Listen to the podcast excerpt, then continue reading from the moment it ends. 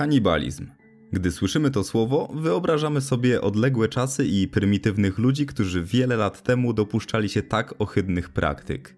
Robili to w celu zaspokojenia głodu bądź poniżenia swojego wroga. Na myśl mogą nam przyjść także samiczki modliszki, które dosyć często trudnią się z jadaniem własnych partnerów. Jednak okazuje się, że mimo milionów lat ewolucji i rozwiniętej cywilizacji, ludzie ze skłonnościami kanibalistycznymi wcale z Ziemi nie zniknęli. Co więcej, można ich nawet spotkać w naszym kraju. Zapraszam do wysłuchania historii Kajetana P., człowieka, którego fascynacja kanibalizmem posunęła do strasznego czynu zbrodni. Co mogę wam powiedzieć o Kajetanie? Jest człowiekiem nadprzeciętnie inteligentnym. Ukończył dwa kierunki studiów: dziennikarstwo i filologię klasyczną. Jego niezwykłe zdolności widoczne są w wielu aspektach, choćby i w sukcesach związanych z nauką języków obcych. Mężczyzna jest poliglotą i biegle porozumiewa się w przynajmniej czterech językach. Wykładowcy, którzy mieli styczność z Kajetanem, uważają, że w mężczyźnie drzemie ogromny potencjał. Jego naturalne zdolności w połączeniu z ciężką pracą dawały rewelacyjne rezultaty. Bez wątpienia przewyższa on ilorazem inteligencji przeciętnego człowieka. Osoby, które znają go od dzieciństwa potwierdzą, że Kajetan zawsze potrafił zaoferować swojemu rozmówcy ambitną rozmowę. Mężczyzna ma bardzo elastyczny umysł i jako erudyta potrafi obszernie wypowiedzieć się w wielu tematach. Kajetan pochodzi z Poznania, jednak studiował w Warszawie i tam też rozpoczął swoją karierę zawodową. Przed ukończeniem licencjatu mężczyzna zachowywał się jak przeciętny student. Sporo imprezował i spędzał czas ze swoimi znajomymi. Jednak po ukończeniu studiów pierwszego stopnia chłopak diametralnie się zmienił. Bardzo spoważniał, zaczął ubierać się jak wykładowca, a nie jak student. Jego zainteresowania stały się bardziej akademickie. Nie tracił czasu na wieczorne balangi. Zamiast tego przesiadywał w swoim pokoju, nieustannie poszerzając swoją wiedzę. To podobało się jego koleżankom. Widziały w nim człowieka dojrzałego i odpowiedzialnego. Trudno im się dziwić. Kajetan naprawdę sprawiał wrażenie ułożonego i skoncentrowanego na swoich celach mężczyzny. Myślę, że śmiało można stwierdzić, iż Kajetan miał naturalne zdolności pozwalające mu spełniać się jako wykładowca akademicki. Niejednokrotnie prowadził warsztaty, na których niczym Arystoteles z zaangażowaniem i pasją próbował przekazać swoim uczniom to, czego sam się nauczył. Jako stażysta, mężczyzna pracował m.in. w tygodniku Polityka czy Polskiej Agencji Prasowej. Swoje teksty publikował też w roczniku Meander. Dzięki ukończonym studiom posiada znajomości w środowisku dziennikarskim. Już podczas odbywania stażu niezwykle interesowały go zagadnienia związane z kanibalizmem. Większość przedstawionych przez Kajetana propozycji artykułów dotyczyła właśnie zjadania istot swojego gatunku. Teksty te były jednak napisane w bardzo przemyślany i inteligentny sposób, dlatego wszyscy uważali, że Kajetan teoretyzuje na temat tak brutalnych praktyk, a jego poglądy mają charakter czysto naukowy. Przedstawione przez niego tematy były jednak zbyt kontrowersyjne, dlatego żadna z gazet nie opublikowała tych artykułów. Pod względem bogactwa językowego i stylistyki, Kajetan tworzył świetne teksty. Nie miał jednak szczęścia i po ukończeniu stażu nie udało mu się dostać etatu w branży dziennikarskiej. Zamiast tego zatrudnił się w bibliotece na warszawskiej Woli. Nie trudno się domyślić, że jego umiejętności pozwalały mu na zdobycie dużo lepiej płatnej profesji. Musiał on jednak schować ambicje do kieszeni i pomimo tego, że praca bibliotekarza nie była jego marzeniem, to na tamtą chwilę takie miejsce pracy musiało mu wystarczyć. Żył skromnie, gdyż pensja nie pozwalała mu na dostatne życie. Zdecydowanie nie był przyzwyczajony do życia przeciętnego człowieka, ponieważ w dzieciństwie niczego mu nie brakowało. Ciekawostką jest to, że Kajetan pochodzi z zamożnej rodziny. Jego mama jest prawnikiem, natomiast ojciec prowadzi dużą firmę. Jednak między Kajetanem a rodzicami prawdopodobnie dochodziło do sprzeczek, aż w końcu przestali się ze sobą kontaktować. Mężczyzna musiał więc radzić sobie sam. Oczywiście przeciętna pensja nie pozwalała mu na zakup apartamentu czy domu. Wraz z dwoma współlokatorami pomieszkiwał na warszawskim Żoliborzu. Wcześniej, jako student, dzielił mieszkanie z osobą, która dobrze go zapamiętała. Człowiek ten twierdzi, że Kajetan na pierwszy rzut oka wydawał się być osobą niezwykle kulturalną oraz oczytaną. Nie dało się z nim nudzić, ponieważ z taką pasją opowiadał o rzeczach, które go interesowały, że zarażał tym innych. Przy bliższym poznaniu można było jednak dostrzec u Kajetana różne dziwactwa, dość niecodzienne w XXI wieku. Należał do nich m.in. jego fantazyjny krąg zainteresowań, który sięgał od ziołolecznictwa aż po mistycyzm. Kajetan wyznawał gorliwą miłość do natury i nienawiść do życia miejskiego. W swoim pokoju kolekcjonował samurajskie katany i kości zwierząt. Zdarzało się, że kiedy ktoś go odwiedzał i ten zapraszał go do swojego pokoju, to nie rozmawiali tam przy herbatce, a przy świetle świec.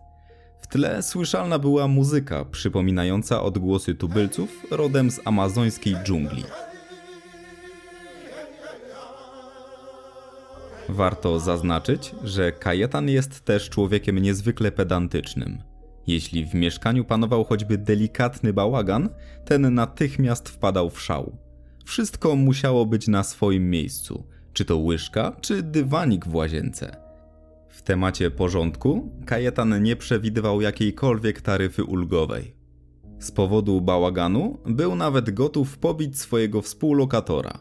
Do walki jednak nie doszło i całe szczęście, bo znając temperament Kajetana, mogło to skończyć się nie tylko na pobiciu, ale o jego morderczych zapędach opowiem w dalszej części materiału. Jak jednak zaczęły się problemy z prawem Kajetana? Zacznijmy tę straszną historię od samego początku. Był spokojny zimowy dzień. Życie warszawiaków wpłynęło w taki sam sposób jak dotychczas. Jednak to właśnie wtedy, 3 lutego 2016 roku, na jednostkę Straży Pożarnej wpłynęło zgłoszenie, że z jednego z mieszkań na ulicy Potockiej wydobywają się kłęby dymu. Strażacy natychmiast ruszyli na warszawski Żoliborz. Pożar nie był rozległy, dlatego też szybko udało się go ugasić. Jednak prawda o pożarze okazała się przerażająca. Podczas ugaszania mieszkania strażacy natknęli się na spory worek, a gdy do niego zajrzeli, ich oczom ukazał się widok nadpalonego ciała ludzkiego, dodatkowo pozbawionego głowy. W drugim pomieszczeniu zabezpieczyli oni plecak, w którym znaleźli resztę ciała, a konkretnie głowę człowieka. Błyskawicznie zawiadomiono policję, która ustaliła, że pożar był nieudolną próbą ukrycia śladów morderstwa. Funkcjonariusze ustalili, kto zamieszkuje owe mieszkanie. Okazało się, że mieszka tam trójka mężczyzn. Dwójka z nich zjawiła się na przesłuchaniu, jednak funkcjonariusze nie byli w stanie powiązać ich z podpaleniem, gdyż mieli oni alibi. Tamci skoncentrowali jednak wzrok śledczych na trzecim ze współlokatorów – którego ekscentryczne zachowania były im znane od długiego czasu. Jak pewnie się domyślacie, był nim Kajetan P. Śledczym nie udało się nawiązać z nim żadnego kontaktu, dlatego podejrzewali, że mężczyzna może znajdować się poza granicami naszego kraju. Jego telefon nie odpowiadał, a Kajetan rozpłynął się w powietrzu. Zamordowaną kobietą okazała się być Katarzyna J. Była lektorką języka włoskiego. Zarabiała ucząc w szkołach językowych i udzielając prywatnych korepetycji. Ofiara ukończyła lingwistykę stosowaną oraz Akademię Sztuk Pięknych i pochodziła z Radomia. Była bardzo ambitna i uzdolniona językowo. Uwielbiała aktywności fizyczne, w tym wyprawy w góry czy nad jeziora. Sport odgrywał w jej życiu sporą rolę. Kochała naukę języków, a szczególnie umiłowała sobie język włoski – jednak zamiast filologii romańskiej postanowiła ukończyć historię sztuki. Udało jej się to. Później pracowała m.in. jako badaczka dziejów Radomia oraz współtworzyła czasopismo o nazwie Radomskie Studia Humanistyczne. Jednak ostatecznie wybrała nauczanie.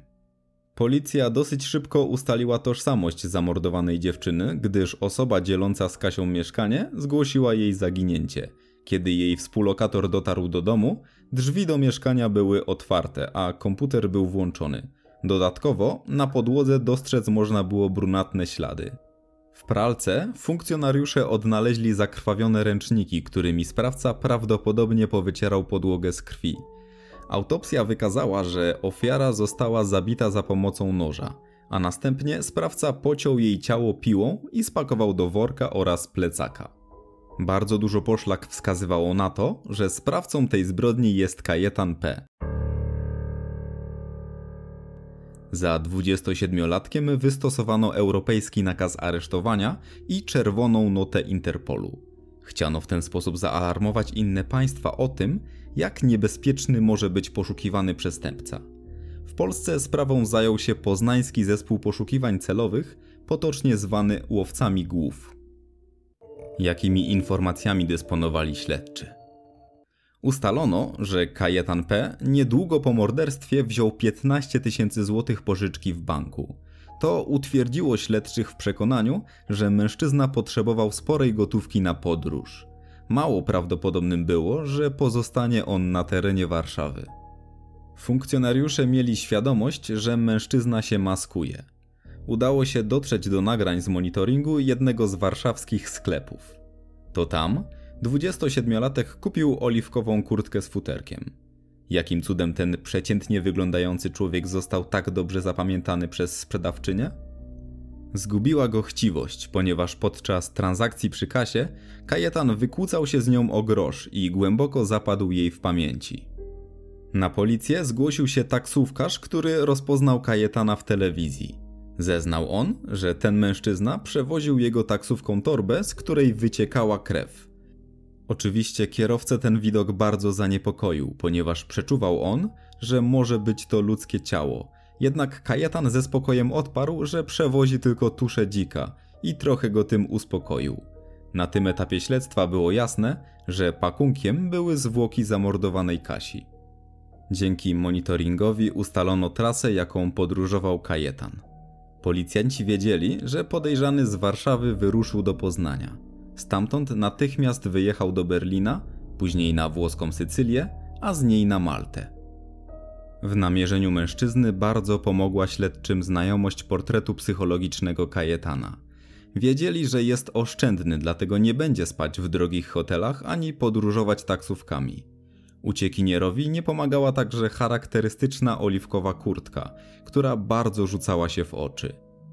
Śledczy celowo nie podawali jego ubioru do mediów, gdyż zdawali sobie sprawę, że Kajetan może śledzić wiadomości i kupić sobie nowe ubranie, co skutkowałoby tym, że o wiele ciężej byłoby go namierzyć. Policja od wielu dni deptała ściganemu po piętach.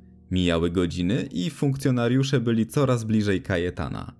Dowiedzieli się, że na Malcie mężczyzna odwiedził biuro podróży, gdyż chciał dostać się do Tunezji.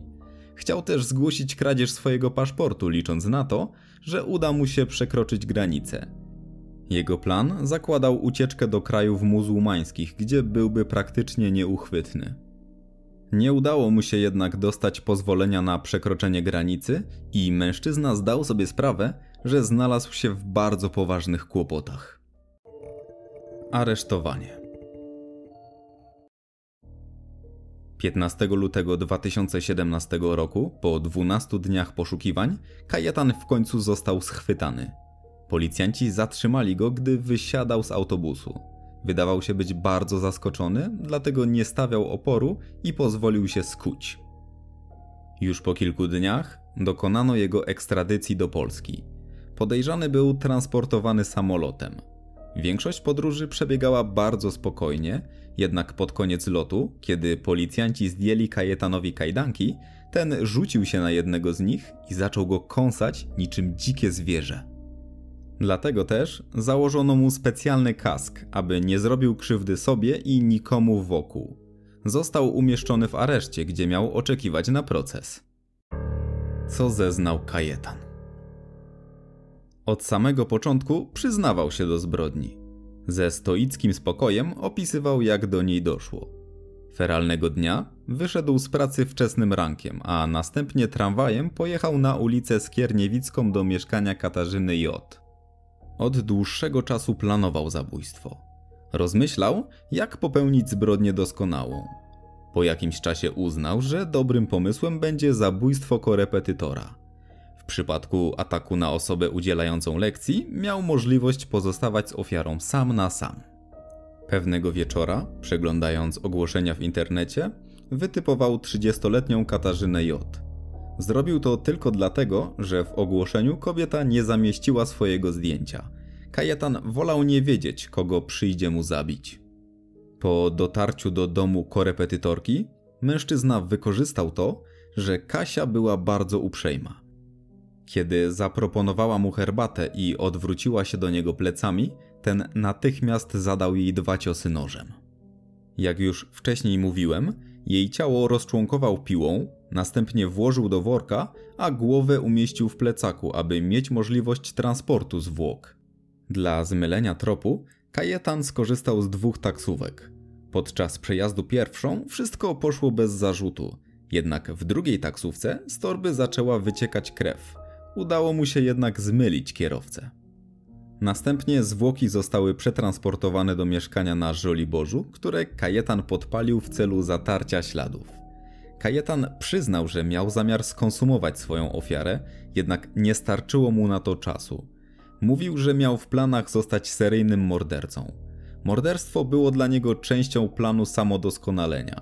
Od jakiegoś czasu wykonywał intensywne ćwiczenia fizyczne, a także głodówki – Zabójstwo miało dopełnić jego przemiany i uczynić go silnym. Kontrowersje.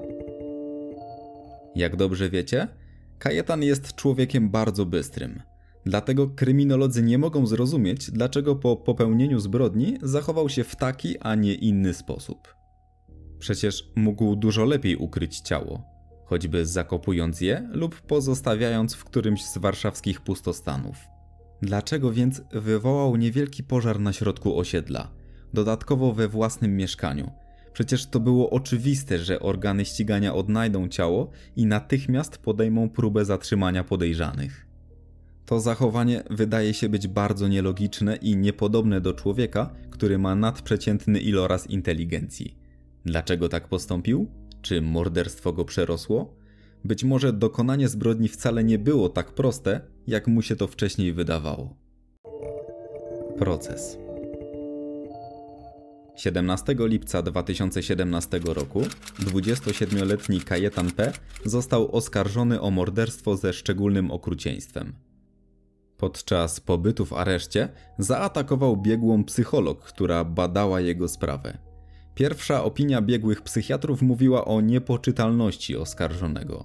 Natomiast w drugiej biegli uznali, że Kajetan posiada pewne zaburzenia, jednak jest on poczytalny i doskonale wiedział co robi. Po kilku miesiącach akt oskarżenia został śledczym zwrócony, gdyż sąd uznał, że brakuje kluczowych dowodów potrzebnych do skazania Kajetana. W maju 2018 roku ruszył proces Kajetana P. Z powodu złego stanu zdrowia oskarżonego odbywał się on za zamkniętymi drzwiami. Wygłoszono nawet mowy końcowe, jednak sąd nie wydał wyroku. Proces został wznowiony, gdyż okazało się, że do sądu wpłynęły kolejne ważne dowody w sprawie. Minęło sporo czasu, a werdyktu sądu nadal nie było. Ostatnimi czasy Kajetan przebywał w zakładzie karnym w Łodzi na oddziale psychiatrii sądowej. Był nieustannie monitorowany przez służbę więzienną. Strażnicy zeznali, że według nich symuluje on chorobę psychiczną. Uważali, że kiedy Kajetan wie, że jest obserwowany, zachowuje się jak wariat. Na co dzień zachowuje jednak spokój ducha, a w swojej celi oddaje się lekturom oraz ćwiczeniom fizycznym. Jego styl życia jest nieco podobny do tego, jaki prowadził będąc na wolności. Kajetan rzekomo jest też bardzo agresywny i wulgarny, dlatego często stosowane są wobec niego kary dyscyplinarne. Ma status niebezpiecznego więźnia, ponieważ jego zachowania są brutalne i nieprzewidywalne. Z tego względu nawet umeblowanie w jego celi jest na stałe przytwierdzone do podłoża.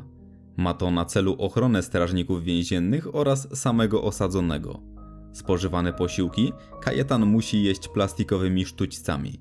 Zastosowano wobec niego wszelkie możliwe środki, niwelujące ryzyko jego ponownego ataku na jakąkolwiek osobę trzecią. 26 stycznia roku 2021 w budynku sądu przy ulicy Kocjana w końcu ogłoszony został wyrok w sprawie zabójstwa Katarzyny J.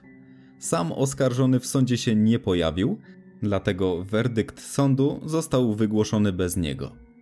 Kajetan P. został skazany na karę dożywotniego pozbawienia wolności. Swoją karę będzie musiał odbywać w systemie terapeutycznym. Oznacza to, że zostanie odesłany do więzienia, w którym znajduje się oddział psychiatryczny. Będzie tam uczęszczać na terapię. Dodatkowo, oskarżony będzie zobowiązany do wypłaty 150 tysięcy złotych odszkodowania rodzicom Kasi, po 75 tysięcy każdemu z nich. Wyrok nie jest prawomocny i można się spodziewać apelacji ze strony obrońców Kajetana. W przyszłości mężczyzna będzie jeszcze odpowiadać za atak na panią psycholog, którego dopuścił się 23 maja 2016 roku. To koniec, jeżeli chodzi o historię Kajetana. Jakie uczucia ta sprawa w Was wzbudziła? Podzielcie się nimi w komentarzach. Jeżeli film Wam się spodobał, nie zapomnijcie też o łapce w górę oraz subskrypcji. Zajrzyjcie także na mój Instagram oraz Patronate. W tym miejscu już się z Wami żegnam i życzę Wam miłego dnia bądź wieczoru, zależnie od pory, w której mnie słuchacie. Trzymajcie się ciepło. Cześć.